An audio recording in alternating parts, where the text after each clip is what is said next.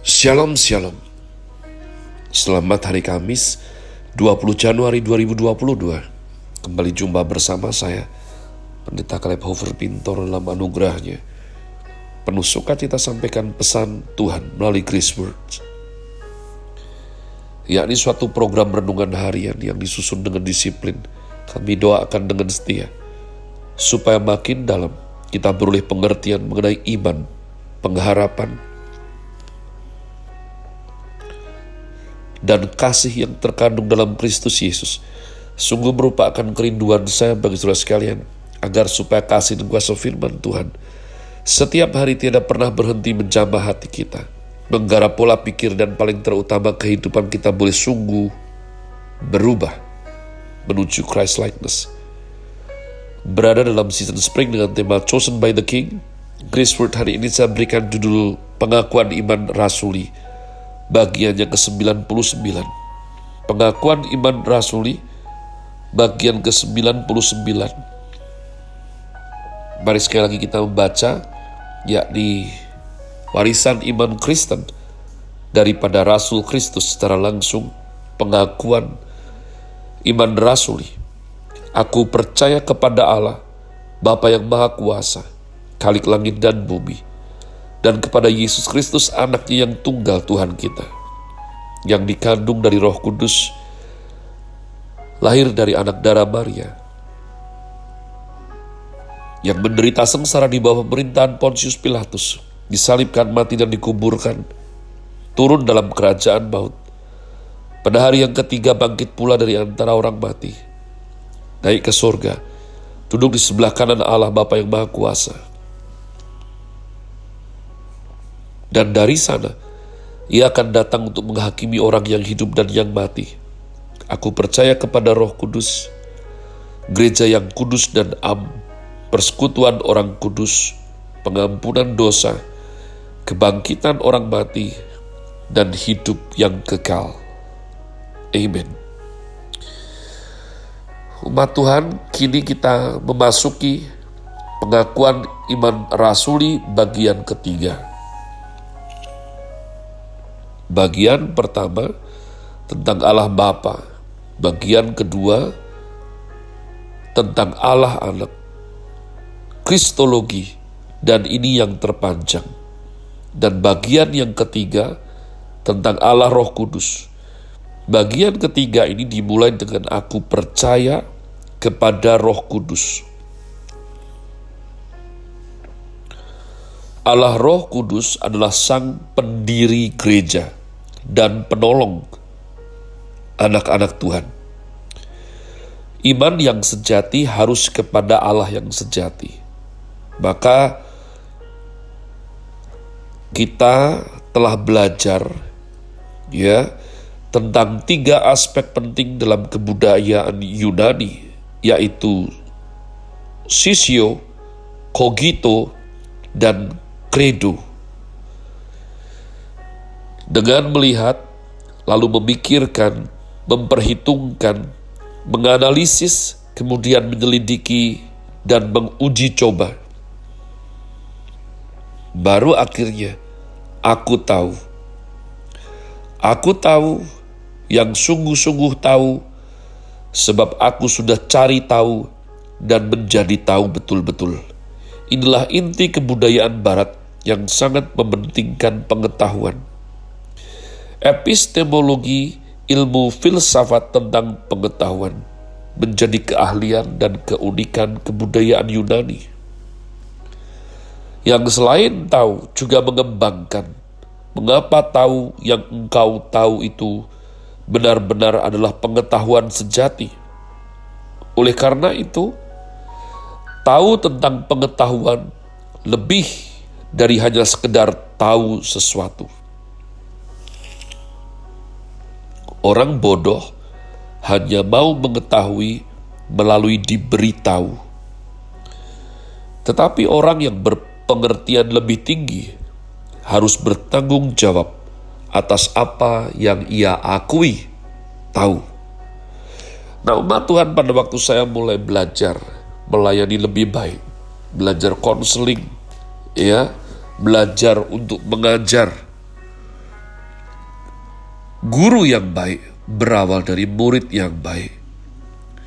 Kalau jadi murid tidak baik, tidak pantas mengajar. Jadi pendidikan yang paling rendah adalah informative teaching and learning. Pengajaran dan pembelajaran informatif. Maka saya belajar, guru yang buruk hanya memberikan informasi dan murid yang bodoh mengira ia sudah tahu segalanya jika ia telah menerima informasi. Orang-orang Yunani tidaklah demikian. Seseorang harus belajar dan diajar, harus tahu bagaimana cara belajarnya, serta apa dalil dan dasar logikanya. Barulah ia bisa membuktikan pengetahuan itu berkemungkinan benar, benar-benar. Mereka menggabungkan pikiran dengan logos. Logos di dalam Alkitab kita berarti firman, sedangkan cara berpikir disebut logika. Logika adalah mengerti logos. Logika mengandung dalil dan prinsip untuk dapat menggali dan mengerti sesuatu yang disebut logos. Jika logos diasumsikan sebagai kebenaran, logika adalah cara menemukan kebenaran. Jika aku tahu, aku harus berani bertanggung jawab atas apa yang aku anggap tahu atas apa yang aku akui tahu, sehingga aku tidak bisa hanya mengatakan bahwa aku tahu, karena aku mendapatkan informasi, dan aku tidak tahu karena aku tidak mendapatkan informasi. Ini adalah sikap intelektual yang rendah, yang tidak bisa dipertanggungjawabkan. Orang Yunani menurunkan logika dan epistemologi dengan silogisme, induksi, dan deduksinya, khususnya dalam pemikiran Aristoteles, sehingga kini menjadi warisan penting di dunia barat. Epistemologi dapat didefinisikan sebagai pengetahuan tentang pengetahuan. Ilmu pengetahuan tentang ilmu pengetahuan. Dunia barat dipengaruhi oleh dua kebudayaan penting, yakni Hebrew, ya, Yunani, maaf, Ibrani Yahudi, dan Hellenistik, yakni Yunani. Sedangkan dunia timur seperti India, Tiongkok, dan Korea sudah memiliki kebudayaan sendiri yang bersejarah ribuan tahun panjangnya. Namun budaya timur ini hanyalah sekedar mengikuti tradisi yang berjalan. Tidak ada analisis kritis, penyelidikan, penelitian, dan eksperimen yang berhasil besar. Dasar kebudayaan Ibrani adalah mendengar, hear. Mereka mendengar Tuhan memberi perintah, Dengarlah hai Israel. Ulangan 6 ayat yang keempat. Dengarlah hai Israel. Tuhan itu Allah kita. Tuhan itu Esa. Kasihilah Tuhan Allahmu dengan segenap hatimu, dan dengan segenap jiwamu, dan dengan segenap kekuatanmu. Sedangkan dasar kebudayaan Yunani adalah tusi, ya, melihat. Mereka melihat dan mengamati segala benda dan berbagai gejala di alam semesta. Lalu diteliti, dianalisis, diteliti, dilihat, dianalisis, maka mereka menemukan banyak prinsip, dalil, dan mulai bereksperimen turun-temurun ribuan tahun sampai sekarang. Bapak Abraham beriman kepada Tuhan. Dan kaum beriman disebut sebagai anak-anak Abraham. Abraham disebut bapak orang percaya.